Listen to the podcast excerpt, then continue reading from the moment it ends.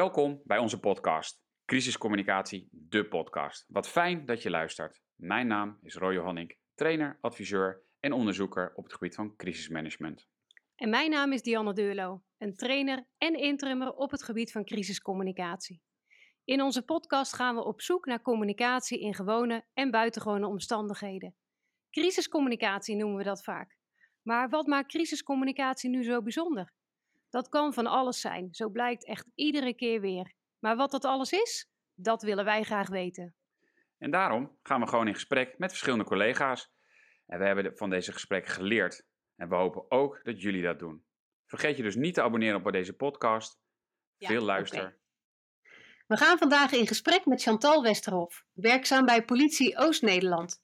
We lezen op haar LinkedIn dat ze onder andere politieproducer is, communicatieadviseur en woordvoerder bij de Politie Oost-Nederland. Chantal, politieproducer. Ja, help ons, wat is dat eigenlijk? Ja, e-, eigenlijk moet ik zeggen, wat was dat? Want uh, sinds kort uh, ben ik dat niet meer, of doe ik dat niet meer. Dan doe ik maar een onderdeel uit het hele pakket van politieproducer. Nou, ik, uh, nog voor de reorganisatie van de, de politie, hè, we zijn nu sinds een aantal jaren Politie Nederland, daarvoor hadden we regio Politie Twente. Uh, was ik eigenlijk als politieproducer verantwoordelijk voor het hele aspect van uh, er is een, een, ja, een onderzoek, bijvoorbeeld, nou laten we het heel simpel houden, althans in het voorbeeld, in moord. Uh, dan ga ik, uh, schuif ik aan bij het team die de moordzaken onderzoekt. Uh, ik ja, help meer met strategie van hoe gaan we het aanpakken in de communicatie. Nou, en een van die onderdelen is het opsporingscommunicatie gedeelte. En dat is de, bijvoorbeeld nou onder de loep of nou opsporing verzocht opsporingsprogramma's. Nou, dat vergt toch wel aardig uh, wat uh, ja, investeringen in een, een draaiboek maken, uh, het afstemmen, toch heel tactisch met zaken bezig zijn. En uiteindelijk misschien wel een reconstructie of een slachtoffergesprek of ja, beelden, camerabeelden. En dan zorg je allemaal dat het afgestemd is met het Openbaar Ministerie. En dat hele proces, even heel kort gezegd, dat doet een politieproducer. En daar hebben we nu een nieuw team voor. Oké, dus wat je eigenlijk eerst alleen deed, doe je nu in gezamenlijkheid met een heel team. Ja. En pakt iedereen een stukje daarvan. Ja, nou we hebben nu het team opsporingscommunicatie. En uh, die gaan dus nu, uh, ja, ik was dan wel echt toen die tijd voor heel Twente. En we zitten nu natuurlijk met vijf oude regio's, dus heel Oost-Nederland, provincie Gelderland of Rijssel. Um, is dat team nu verantwoordelijk voor dat daar alle zaken komen waar bijvoorbeeld bewa bewakingsbeelden zijn. Of waar vragen zijn vanuit grote onderzoeken. Uh, waar misschien een reconstructie voor moet worden gemaakt. Uh, maar ook in uh, hele simpele dingen als het aankondigen uh, dat die gebeurtenissen allemaal weer plaatsvinden in opsporing verzocht. Ja, dan moet er ook weer iets op Instagram, er moet wat op Twitter, het moet aangekondigd worden. En daar kan ook weer een hele strategie in zitten. En ik blijf wel betrokken bij die strategie. Dus ik ga wel uh, uh, aansluiten bij het team. En ik ga uh, helpen nadenken van hoe gaan we de totale communicatie aanpakken. Maar het gedeelte dat moet worden afgestemd met het Openbaar Ministerie. En vervolgens aangeboden wordt bij opsporing verzocht. En de reconstructie en dat hele verhaal. Dat hoef ik nu niet meer zelf te doen. Wel de woordvoering uiteindelijk in de studio. Maar daar hebben we inmiddels ook een mooie pool van. Hey, en eigenlijk, ik hoorde je net ook zeggen, inclusief uh, contact met uh, slachtoffers en inclusief soms verwanten? Ja, Um, in opsporing verzocht zie je wel eens dat slachtoffer zelf vertelt wat hem of haar is overkomen. Nou, daar zit natuurlijk wel een, bedoeling achter, niet om, om een heel zielig verhaal uh, op televisie te krijgen.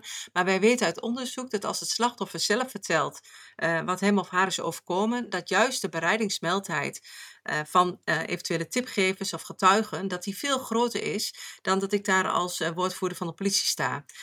Um, dat is een onderzoek, want we, zoals Annico Verzanten altijd zeggen, we hebben de drie B uh, bellen, hm. bereiken en benaderbaar. Of eigenlijk is het betrokkenheid. En ik heb altijd de vierde B van bellen erbij gezet. Want daarom gaan we naar zo'n programma. Wij willen gewoon dat de mensen ons contacten.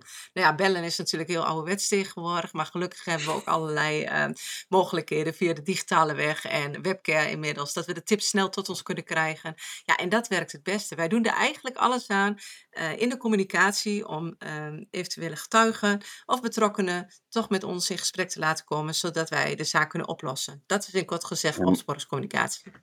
Ja, mooi. Ja, Diane en ik uh, wijken wat af van de, uh, van de drie doelen zoals uh, landelijk gelden. Informatie, uh, behoefte, betekenisgeving, schadebeperken. Diane en ik zeggen, ja, daar hoort eigenlijk nog wat voor. En wat ervoor hoort, uh, een van die doelen, die noem jij nu eigenlijk. En wij noemen dat namelijk het betrekken van mensen. Ja. En dat hebben wij um, eigenlijk, uh, wij, wij gebruiken namelijk het verminderen van onrust als doel, het verminderen van de impact als doel, en dan met name de schade bijvoorbeeld bij een incident, of het voorkomen dat iemand doodgaat of een slachtoffer ja. wordt, het behouden of, uh, uh, van vertrouwen, of het zorgen voor vertrouwen, en als laatste noemen wij het versterken van de capaciteit. En eigenlijk komt dat simpelweg gewoon uit, in de basis uit, ja, uit de politievak. Ja. En opsporingscommunicatie is daar, wat mij betreft, de meest duidelijke vorm voor. Wij willen mensen uh, hebben om eigenlijk de opsporing Ja. te laten plaatsvinden, dat er opgespoord wordt. Ook om te helpen. Hè? Je had natuurlijk, eh, eh, inmiddels bestaat opsporing verzocht al eh, dikke 40 jaar. En vroeger was Ja. het echt, dan gingen de rechercheurs van, nou we hebben echt helemaal niets meer. Laten we maar naar opsporingsverzocht gaan en kijken of we daar nog geluk hebben. Maar nu is het echt wel een wezenlijk onderdeel van de hele opsporingstechniek. Hè? Liefst aan het begin. Facebook werkt daar perfect aan mee. Er is een gebeurtenis, we zetten het op Facebook en we genereren al veel meer eh, reacties dan een ouderwets buurtonderzoek. Dat je de- deur aan deur bij mensen langs gaat, briefjes achterlaat. En, en je kunt nou ook eh, natuurlijk met Facebook lekker taggen in zo'n buurt. Van wie zit er allemaal op Facebook, Mhm. wie kunnen we allemaal benaderen, eh, wie heeft wat gehoord gezien. Eh, beelden die snel kunnen worden geüpload op politie.nl. Dus ehm, deze hele nieuwe ontwikkeling is niet meer alleen opsporings, opsporing verzocht, maar de hele nieuwe sociale media die ons helpt om zo snel mogelijk weer getuigen binnen te krijgen. En he- heb je ook andere voorbeelden dan? Niet alleen binnen de opsporing, maar ook andere processen waarbij jullie echt eh, mensen laten helpen? Eh, nou ja, we hebben diverse dossiers op politie.nl waar ehm, mensen mee kunnen denken. Ehm, ja, eh, eigenlijk eh, heel breed hoor. Opsporingsverzocht ehm, of opsporingscommunicatie is ook wel een beetje een tactisch middel. Je, je, eh, het is Mhm. in eerste instantie bedoeld om getuigen op te roepen. Maar het is ook heel mooi als we bijvoorbeeld op een verdachte groep zitten of een dadergroep. En we gaan ze aanhouden. Dan nemen we ook al hun devices in beslag. eh, telefoons, laptops. En dan gaan we kijken van, nou, waar hebben ze de laatste keer, eh, welke uitzendingen bekijken ze van opsporing verzocht of waar zoeken ze op. En dan merk je dat ze toch heel vaak naar hun eigen uitzending op opsporing verzocht kijken. en als we geluk hebben, hebben ze ook nog een chatprogramma gebruikt waarin ze communiceren. En dan zijn dat hele mooie plusjes om een eh, ja, strafbaar feit of een misdrijf op te Ja, ja. lossen. Maar, maar dan gaat het echt over opsporingscommunicatie. Kan, is er ook zoiets als handhavingscommunicatie? Ja. Eh, en dan handhaven van netwerken of, of nou, alle politieprocessen die er zijn. Het, de, kan je ook voorstellen dat interventiecommunicatie, weet ik veel. Kan je dat ook, is dat er ook of is het alleen maar Nee, opsporingscommunicatie? nee, wij hebben natuurlijk ook de, de persvoorlichting, eh, eh, het, het informeren van eh, de burgers. eh, we, we doen vanuit de advies natuurlijk interne communicatie en het handhavingscommunicatie. Eh, dat was de andere jaren, waren er echt wel speciale collega's aangeschoven bij die verkeershandhavingsteams. Eh, omdat eh, vooral verkeerscommunicatie is echt heel ondankbaar. Hè? Ga maar communiceren over het uitschrijven van boetes. Ik moet heel eerlijk zeggen, ik heb dat eh, jaren geleden gedaan en ik vond het een geweldige eh, uitdaging. Ehm, ja, het is gewoon leuk om mensen toch erover na laten denken van eh, waarom het eh, houden aan de regels en dat je daar een boete voor krijgt en eh, daarmee toch de verkeersveiligheid vergroot. Eh, hoe ga je dat uitleggen? Dus ik, ja, ik vond het toen die tijd wel een hele mooie eh, opdracht. Ehm, maar waar wij voornamelijk wel mee bezig zijn, dat is wel heel veel ook eh, persvoorlichting, eh, burgers voorlichten via onze eigen media. Toch proberen om eh, ja, die veiligheid voor een, ehm, via communicatie wel eh, te vergroten. Althans, het gevoel, maar ook dat mensen daar zelf aan mee kunnen werken. Om, om dan aangesloten te zijn bij ons en die verbinding dan ook op die manier te zoeken. Mooi. Ja, eh, twee hele eh, duidelijke doelen volgens mij. Het vergroten van die veiligheid en het betrekken van de mensen daarbij.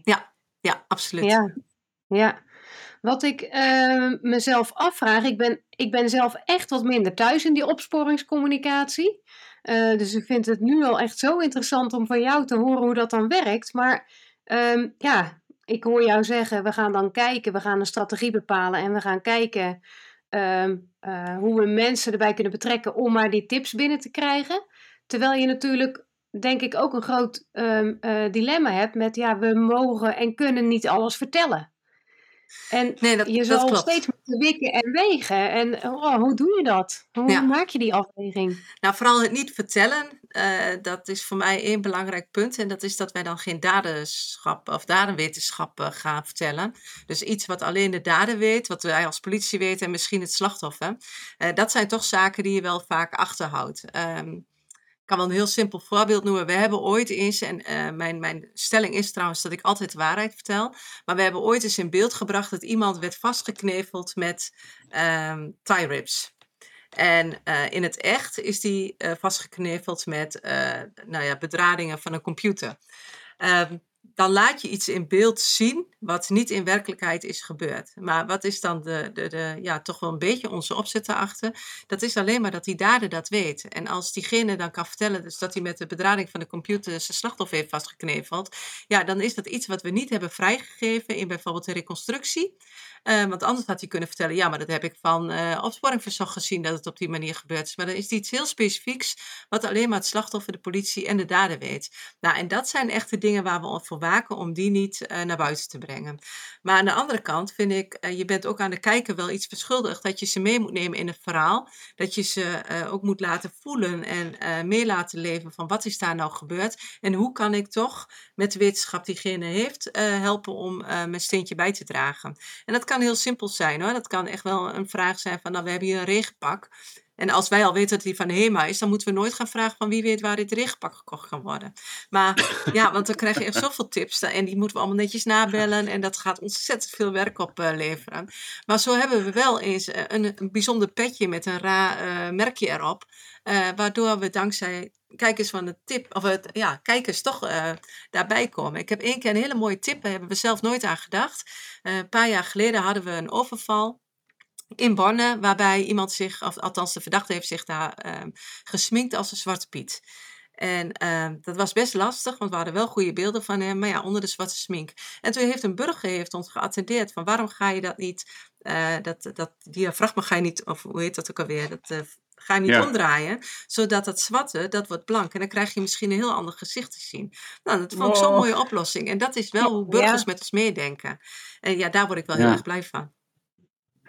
Ja, en wat je net zei, dat vroeger, en- en een beetje oma, Ja. opa praten weer, maar ehm, dat het dus eigenlijk end of line was, we weten het niet Ja. meer. Weet je wat we nu doen? We gaan nu maar naar, op, naar opsporing verzorgd. En nu zeg je, bam, meteen eigenlijk vanaf het eerste moment betrekken we die burger die ons meeneemt in de kennis die hij heeft. En wij gaan goed nadenken over hoe we die kennis tot ons krijgen, want we moeten ook niet een overload aan tips krijgen, want dat, dat trekken we ook gewoon niet qua capaciteit, maar wel de juiste dingen. Ik denk wel echt een. eh, maar hoe anders? Want wij zijn op zoek, Jan en ik, naar, naar wat maakt crisiscommunicatie dan zo bijzonder? En, en opsporingscommunicatie is dus bijzonder, Ja. dat hoor ik. Kan je, want je hebt ook, ja, je hebt meerdere rollen, weten we Ja. inmiddels. En volgens mij zit je ook soms in de crisiscommunicatie. Zeker. Ja. Ja, wat maakt anders? Ik denk dat eh, voor de politie is natuurlijk die opsporingscommunicatie nu, die wordt gewoon, die loopt parallel met de crisiscommunicatie.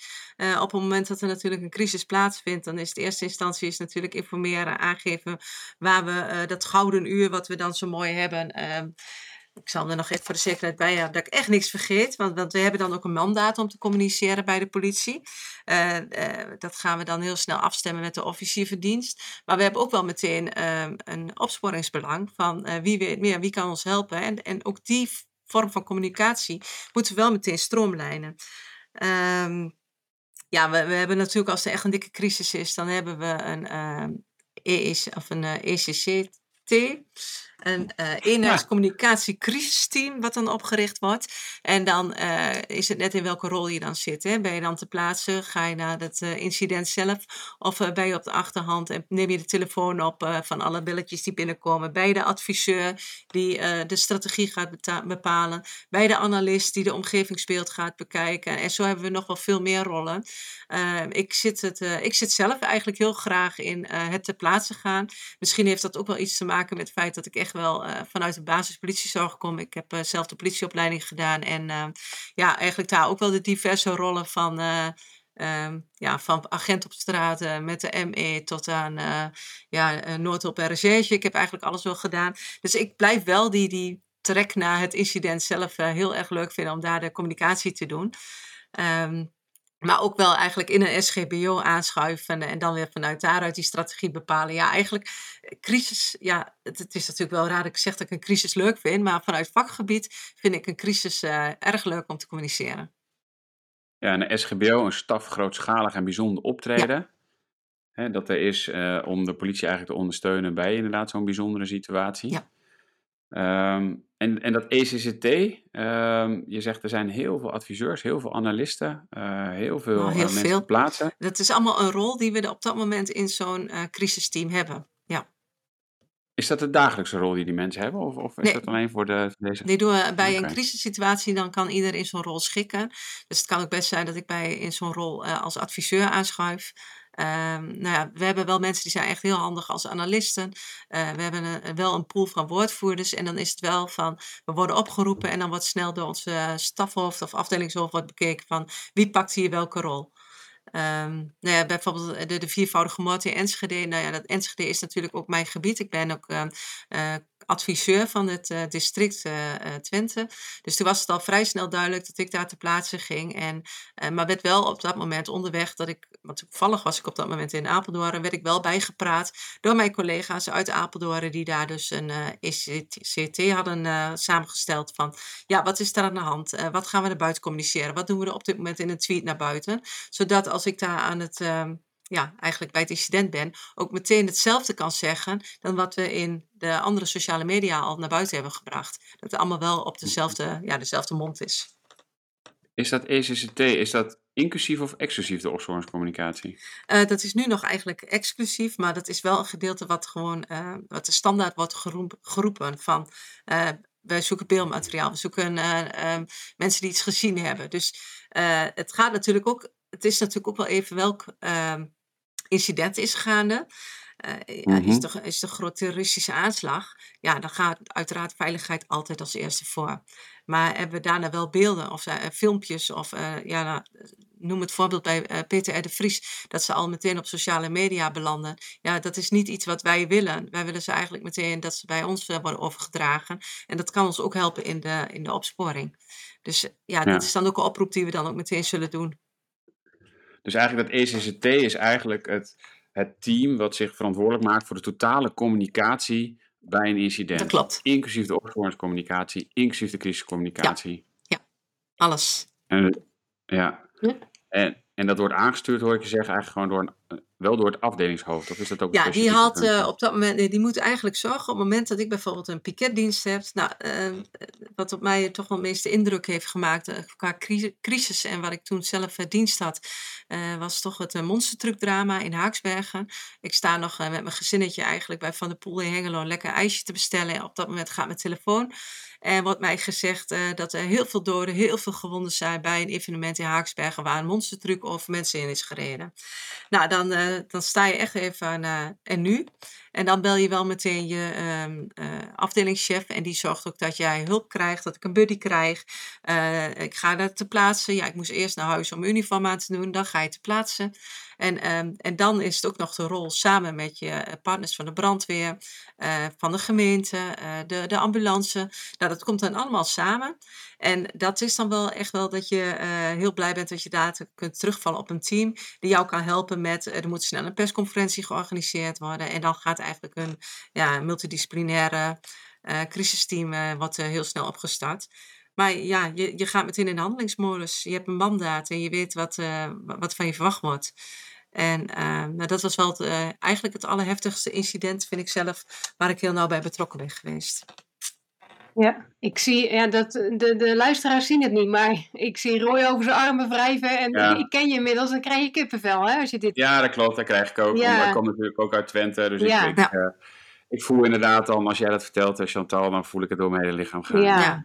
Nou ja, je merkt Ja. gewoon als je dan te plaatsen komt, dat ook echt de media, die, die herkennen je en die vliegen echt op je af en die willen alles weten. Die willen weten eh, hoeveel mensen er overleden zijn, hoeveel mensen er gewond zijn. Nou ja, op dat moment kreeg ik eigenlijk al vrij snel te horen dat het eh, een jongetje was overleden en dat mijn collega, eh, die, die bij mij op de afdeling werkte, ja, niet, niet bij communicatie toen die tijd, maar wel op diezelfde afdeling werkte, dat hij zwaargewond in het ziekenhuis lag. Kreeg toen te horen dat zijn zwager was overleden. En ik moest op dat moment nog de media te woord staan. Dus er komt in, in no time, als je daar bent, komt er zoveel op je af. En, en ik wil niet zielig doen of zo, maar je moet dat heel snel gaan schakelen. Je moet het plaats geven. We wilden heel snel dat uh, de gemeente ook de um, opstart maakte om de burgers te informeren. Hè?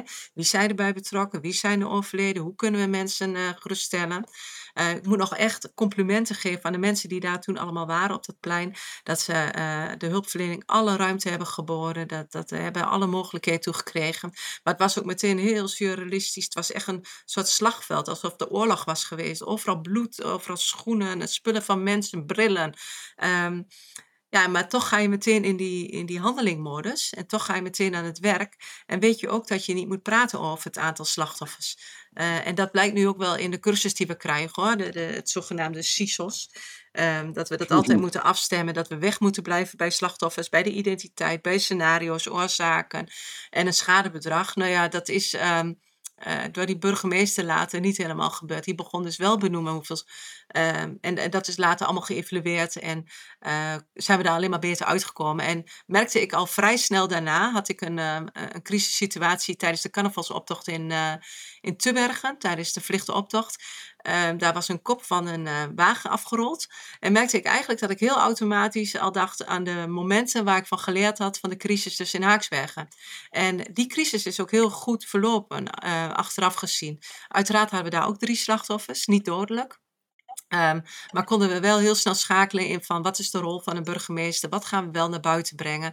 En konden we ook uh, meteen vragen of die filmpjes allemaal naar politie.nl konden, want die gingen ook al heel snel rond. Uh, misschien nog een detail om te vertellen dat in Tubbergen, dat is natuurlijk heel erg dicht bij mijn eigen woonplaats.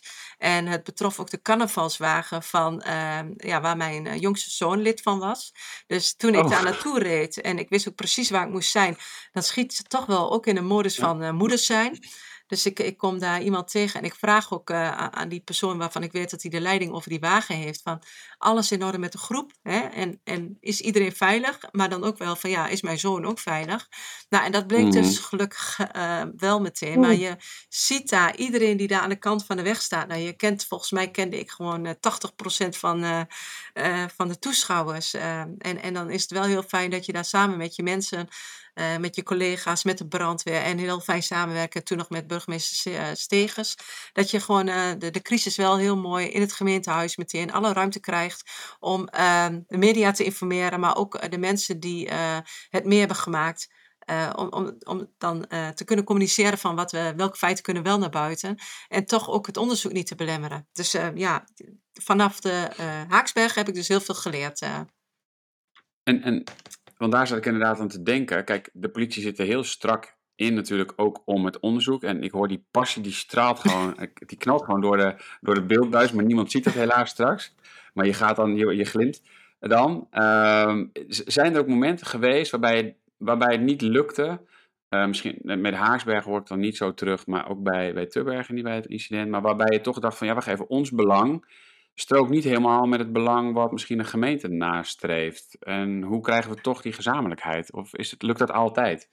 Ja, moet ik even nadenken. Um, Um, nou, ik heb, ze, ik heb ook eh, de bedreiging en de, of de, de, de gijzeling van de wethouder meegemaakt. En eigenlijk, dat was dan wel heel direct. In Almelo met de, In Almelo. was wel heel direct met de gemeente natuurlijk. En die ja. hadden ook andere belangen. Maar uh, ik denk dat je ook als gemeente altijd, het veiligheid gaat altijd voorop. En daarin trekken wij Mooi. ook in een crisis, trek je daar altijd samen mee op. Dus die strubbeling in het begin heb ik niet gezien. Ik heb alleen toen in Haaksberg wel meegemaakt, want dat ik uh, ineens werd aangesproken door iemand van, en de burgemeester die zegt dat er drie doden zijn en jullie willen helemaal niks bevestigen. Nou, dat, dat is dan wel even vervelend, maar dan word je dus uitgespeeld door de media. In die zin van, en dat, en dat snap ik, dat is een rol, dat, dat zij willen ook bij die informatie komen. Maar dan weet je achteraf, weet je gewoon wat andere informatie wat je dan niet kunt delen. En, en dan, dan blijf je maar even stil. Dan denk je van ja, maar ik ga het niet bevestigen. Dus je zit wel soms op een vlak uh, dat de media of dat de, uh, misschien de gemeente wel ook iets in imago of in de snelheid of in de emotie wat sneller wil communiceren dan wij als politie, omdat wij daar op dat moment in het onderzoek ook geen belang bij hebben. Of dat we de, uh, laat me zeggen, de familie nog niet gesproken hebben. Maar ja, dat, dat blijft altijd wel een beetje wringen. Maar ik kan niet echt zeggen dat het opzettelijk is. Ik ben altijd van overtuigd nee. dat ook de gemeente het gevoel heeft dat ze het beste willen doen voor hun bewoners. Mooi. Ja. Omdat, zeg jij, de veiligheid ook datgene is waar iedereen voor ja. gaat. En als we dat expliciet maken, dan zit daar geen, uh, geen issue. Wat ik wel mooi vind, is dat je in een bijzinnetje zegt... Nee, ik snap dat hoor, want die media die moet ook die rol vervullen. Ja. Maar ik kan me ook voorstellen dat je af en toe thuis komt en denkt... Pot, wat nu ben ik echt zo klaar mee. Wat een stelletje piep, piep, piep. Of, of, eh, of, of ben je nooit een keer dat je thuis komt en denkt... "Ah, Man, man, man, man, man, wat irritant. Ah, tuurlijk. We- we- ehm, nou, niet echt de media, maar ik, ik ben wel even eh, in die zin. eh, Er even, ja, wa- wanneer had ik eh, ooit last van de media? Laat ik het zo zeggen. Ik heb meer last gehad van de berichtgeving. wat er allemaal toen na die viervoudige moord naar buiten heen kwam. Dat heeft Mhm. mij wel eh, geraakt. In die zin, omdat er werd gesuggereerd dat er mogelijk lek zou zijn bij de politie die de informatie zou delen. En, ehm, en, en, en dat is ook nooit bewezen dat het vanuit de politie komt. Er is een onderzoek geweest, maar het is ook nooit bewezen waar het wel vandaan komt. Eh, maar dat tast dan onze in- integriteit aan. En daar heb ik last van. Ehm, en dan denk ik, ja, die journalisten hebben goed werk gedaan, maar die hebben informatie uit andere bronnen gekregen. En dan is een standaard zinnetje is dan bijna van bronnen rondom het onderzoek hebben gezegd dat. Ja, en dan denk ik dat ongeveer de gemiddelde burger denkt, oh, bronnen rondom het onderzoek, ja, dat moet de politie zijn. Maar ja, dat kan ja, ook de advocatuur zijn, dat kan justitie zijn, dat kan de rechtbank zijn, dat, kan, dat kunnen bewoners zijn, dat kan betrokkenen zijn. Dat kunnen zoveel mensen zijn die rond het onderzoek als bron kan worden opgevoerd door de ehm, journalisten. En dat al- als journalisten dat woord gebruiken, hè, bronnen rondom het onderzoek, ja, dan beginnen wel een klein beetje mijn nekhaar overeind te staan. eh. ja. Ja. En dat kwam Ja, eigenlijk dat wel is- na de viervoudige moord, want daar is zoveel op straat gekomen. En ehm, eigenlijk een compliment ook aan de journalisten die dat boven water hebben gekregen, maar dat heeft wel, ehm, ja, dat heeft wel een beetje buikpijn opgeleverd. Hm, Ja, en misschien heeft het andersom bij journalisten, als, als wij als woordvoerders eh, de zinnen gebruiken van in het kader van het onderzoek kunnen we daar nu niks over vertellen. Die vermijd ik Zal altijd. Ja, oké, oh goed zo, ja. Welke varianten heb je erop dan? Oh, ja. veel, echt heel veel. Of je kunt je voorstellen dat, hè, en het onderzoek is nog in volle gang. En ehm, eh, ja, maar ook wel soms een beetje ludiek, hangt ook een beetje van het incident af. Maar nee, die, in het belang van het onderzoek, ja, nee, daden, wetenschap. Je probeert heel veel procesinformatie te geven. Ik ga Ja, juist exact. kijken van, het gaat mij niet om wat ik niet kan vertellen hè, in het belang van het onderzoek. Maar ik ga juist kijken, wat kan ik wel vertellen? En dan is het eigenlijk wat je ziet is wat je get, hè. Dan, dan pas je zoiets toe.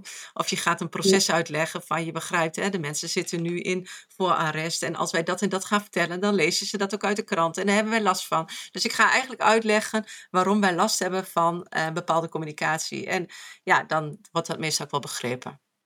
Ja, en is dat dan ook, eh, want je zei net duidelijk dat CISO's rijtje, die eerste S is slachtoffers, Ja. hè, daar was je heel duidelijk over.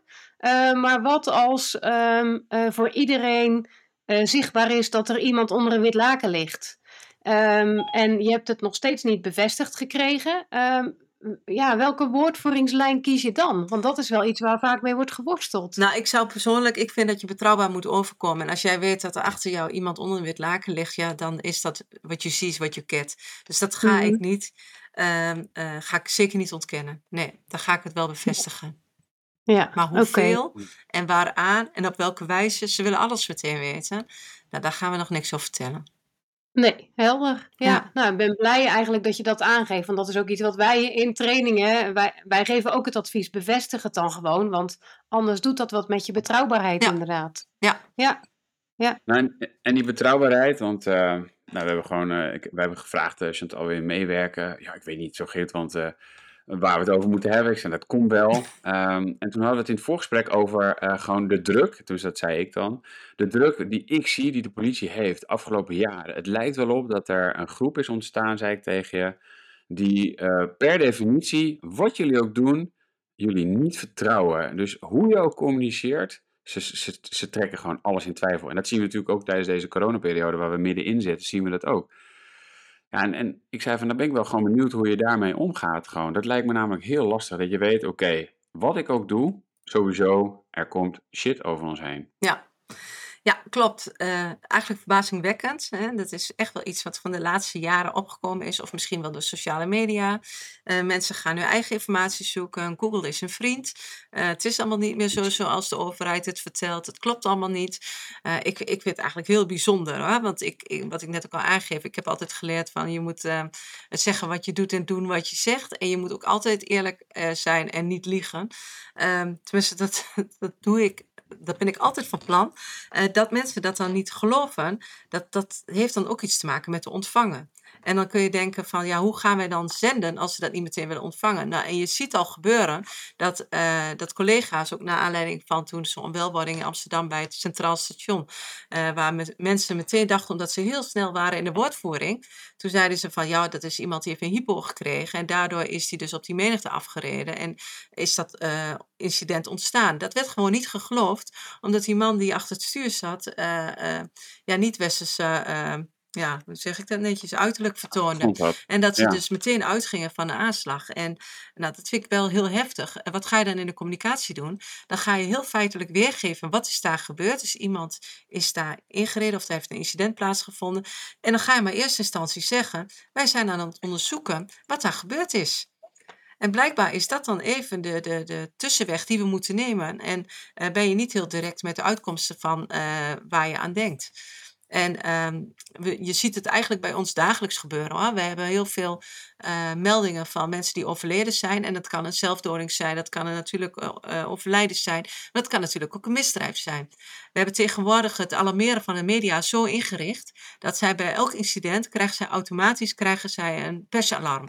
Um, dus mm-hmm. ze krijgen een persalarm dat er een overleden persoon is aangetroffen dan is in uh, nou ja, acht van de tien gevallen uh, gaan we daar een onderzoek doen om te kijken of er sprake is van een misdrijf. Dat was in het begin voor de media best wel lastig, want die zagen in één keer zoveel onderzoeken bij uh, ja, mensen die overleden zijn. Die vroegen zich af of dat allemaal, uh, en moeten we daar wat mee, en wat kan ik erover naar buiten brengen? En ja, maar doe nou even rustig aan. Het kan suïcide zijn, het kan het toch uiteindelijk een natuurlijke dood of een ongeval. Dus we, we, spreken niet meteen van een onderzoek ehm, waar, waar meteen heel veel over gecommuniceerd moet worden. En je merkt dat daar ook wel later begrip kwam, dat de mainstream media dat gelukkig wel gewoon zo overneemt. Ik denk als wij alles moeten communiceren naar buiten, wat wij elke dag binnenkrijgen als meldingen, dat mensen dan hun eigen verhaal er mogelijk bij gaan maken. En dan krijg je echt een he hele vreemde manier hoe mensen daarop gaan reageren. Dus ehm, ik denk dat het iets doet met hoe wij moeten zenden, maar ik ben ervan overtuigd dat het vooral ligt aan hoe mensen dat opvangen. Dat, dat toch het, ja, bij de ontvanger, hier zit een uh, heel bijzonder uh, mechanisme waar we dus inderdaad last van hebben. En eigenlijk, als ik goed naar je heb geluisterd, zeg je in het begin: we gaan tijd kopen om betrouwbaarheid te zijn. Ja. Want wat we doen, is dat we zeggen dat we het nog niet meteen weten. Ja. Maar dat we even een onderzoek doen, waardoor het betrouwbaarder lijkt. Dus dat is wat ik heb gehoord. Dus je koopt tijd om betrouwbaarder nou, te komen. Ik, komt, eh, ik, ik denk dat ik uh, iets uh, minder snel met uh, informatie ben, inderdaad. en dat, dat is inderdaad, ja, het is wel zoals je het zegt. Ja, het is niet dat ik. want ik geloof ook als we het meteen vertellen wat we doen, dat we ook betrouwbaar zijn. Maar zo ja, nee, komt het niet over bij die ontvanger. Nee. Want hoe kunnen we dan, dan meteen weten? Ja, ja, ja, dat zal wel. Ja, ja, ja, dat ja. wel, hè, op zijn grens. Dat geloof ik niet. En als je zegt, nee, we hebben het onderzocht, we hebben naar gekeken en hij heeft een, uh, een hypo gehad. Want dat kan je niet in een half uur weten. Nee. Dat kost tijd. Nee. Het nadeel zou kunnen zijn, hè, bijvoorbeeld zoals Amsterdam, dat mensen zien dat het een, een man is die dus een, uh, uh, ja, met een niet-westerse achtergrond, uh, een grote baard had hij. En nou ja, dat hij dan ook heel snel gaat communiceren en dat we dan op 1-0 achterstand staan. Uh, dus je zou al wel misschien ook in de eerste communicatie dat er mogelijk van uitgaan.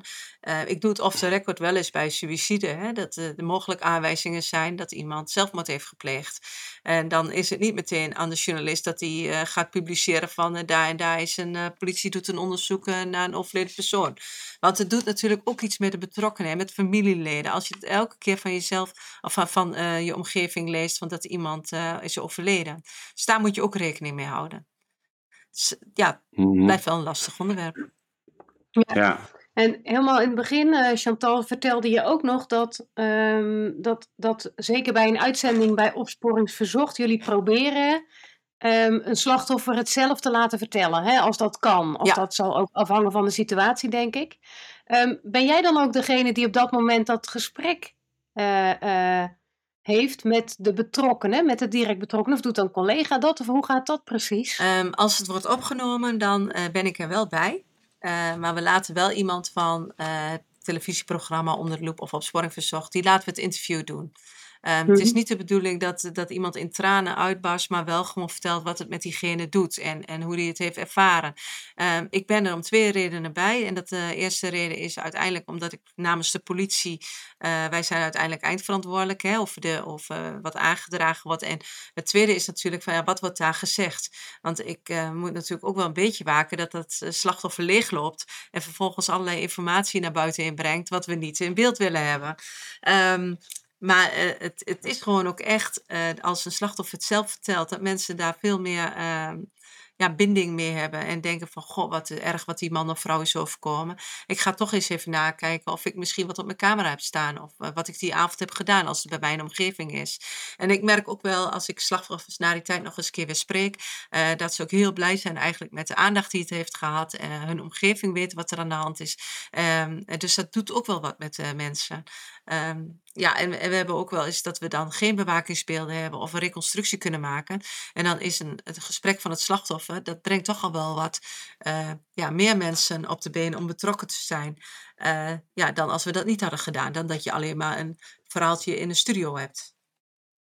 Ja, Kan begrijp je ik ook wel. voorstellen, oh, kan je ook voorstellen dat, je dat, dat we dit doortrekken naar de crisiscommunicatie? Het, het, het laten interviewen van slachtoffers? Mm. Of zeg je van, dat is wel een bridge too far. We gaan...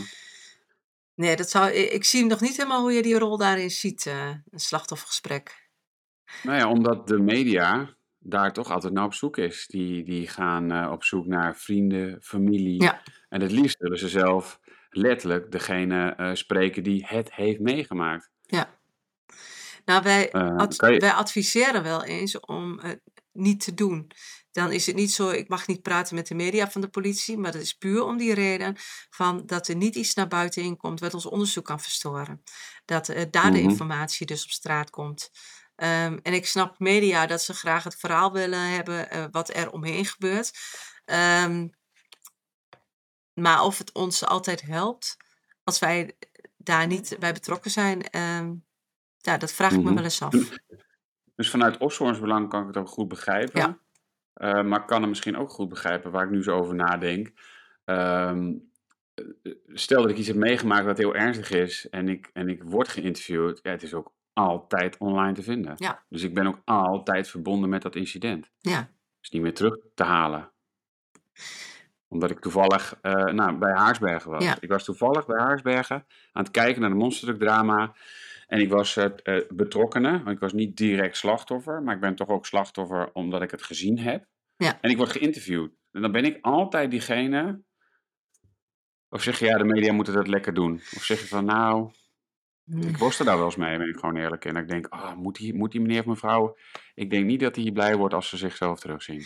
Ik, ehm, ik, eh, wat jij nu zegt, dat heb ik me ook wel eens afgevraagd. Hè? En, waar- en ook wel van mensen die juist heel graag voor de camera kruipen. eh, van ik wil mijn verhaal doen, ik wil vertellen wat ik gezien heb. Misschien moet je die mensen wel tegen zichzelf in, in bescherming nemen. Mhm. Ehm, maar ik vind het lastig. Dit is wel echt iets wat bij eh, de media hoort. Ehm, eh, en vanuit mijn vakgebied denk ik dat ik daar niet echt een rol in heb. Ik heb wel eens, eh, in die zin wel, als we meteen bij een incident te plaatsen waren, dat ik het afgeschermd heb van laat die mensen eens eerst in hun eigen emotie, laat het eerst eens even bezinken. Ehm, maar ik vind dat dat wel ethiek is wat eh, bij de media dan thuis hoort. Dat je, maar aan de Mhm. andere kant, ja, het is ook soms hun werk om dat op te halen. Maar of het dan echt iets toevoegt, dan, ehm, ja, dat kan, ik, ik vind het lastig. Maar ik, ik begrijp precies wat je bedoelt. Hè? Van mij hoeft dat Ja, ook ik niet. vind wel. Ja.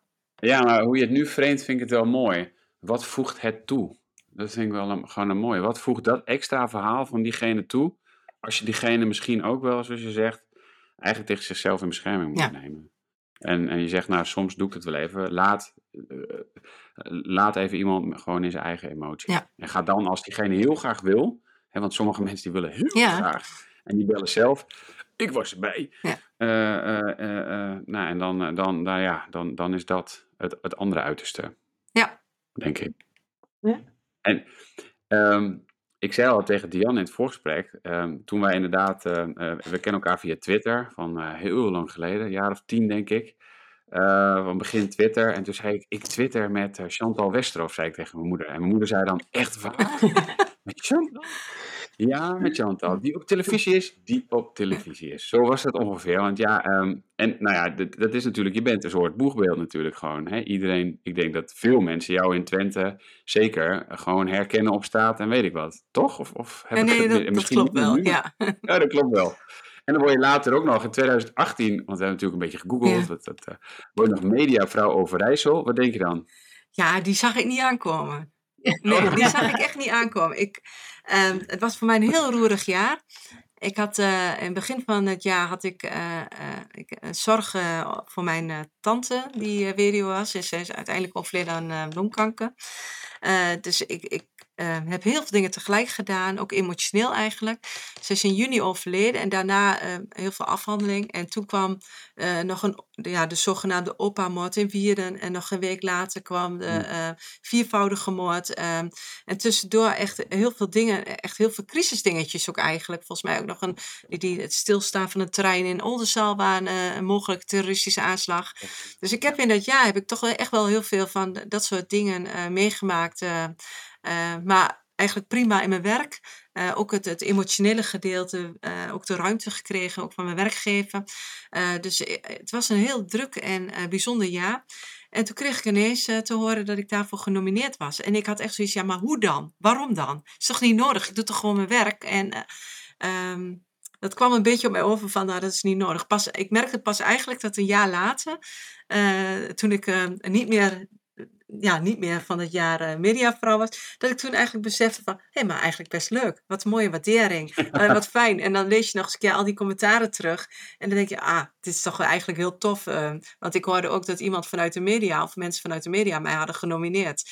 En dat vond ik dan wel een heel groot compliment. Dus achteraf ben ik heel, heel blij en vond ik het heel mooi. Maar ik heb er verder niks mee gedaan of zo. Hè? Ik, ik ben niet extra uh, prestaties gaan geven. Die, daar werd ik wel heel veel voor gevraagd.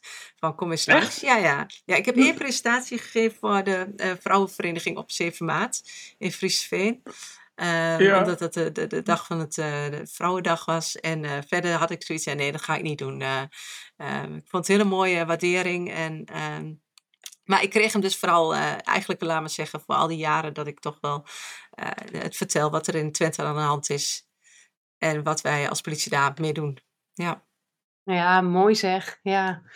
Hey, hmm. Chantal, tot slot. Um, um, en dus, we hebben heel veel uh, nieuwe mensen uh, de afgelopen tijd ook opgeleid als uh, ja, communicatieadviseur voor opplaatsen incident. jij hebt één bonk aan ervaring, dat horen we. Dat horen we in je gesprek, in alles wat je deelt. Zoveel meegemaakt. Um, als je nou die nieuwelingen e-, één één ding mee zou mogen geven of één les voor echt woordvoering op een plaats van een incident, wat zou dat dan zijn? Zorg dat je een buddy bij je hebt. Zorg dat je iemand bij je hebt die het eh, vaker heeft gedaan. Ga met elkaar in overleg. Um, elke crisis is weer anders. Het, het is, uh, ik heb er nou toch wel een heel aantal wel meegemaakt. En als ik dan over na ga denken, hè, voordat ik aan deze podcast denk, oh, eigenlijk bizar veel. En maar elke is weer anders. En het mooie vind ik wel, als je na die tijd of voor die tijd even met iemand kunt overleggen van hoe gaan we dit aanvliegen, wat gaan we doen. En als je nieuw bent, is dat wel heel belangrijk. Uh, denk niet te snel, want ik heb nog steeds als ik naar een hele uh, aparte crisis of zaak ga of ik hoor weer iets van, oh dat weet ik wel, daar heb ik wel een oplossing voor.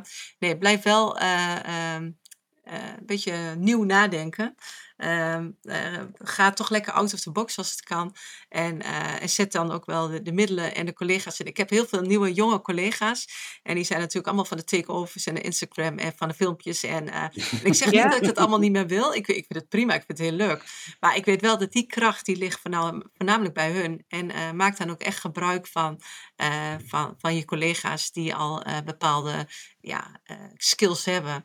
Uh, dan kom je denk ik verder mee dan dat je, uh, weet ik al, wat uh, allemaal gaat leren. Gewoon van elkaar kun je het beste zaken hm. overnemen. Ja, nou, prachtige, volgens mij een prachtige afsluiting. Je moet het samen doen, leer van ja. elkaar. zorg voor die buddy. ja, ik denk dat dat een hele mooie, mooie tip is voor alle nieuwe mensen die dit mogen gaan doen, dit mooie werk.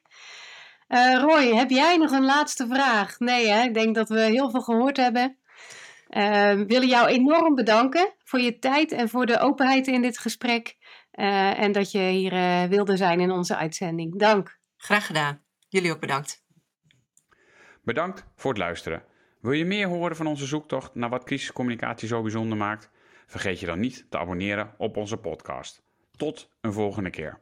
En delen, dat mag uiteraard.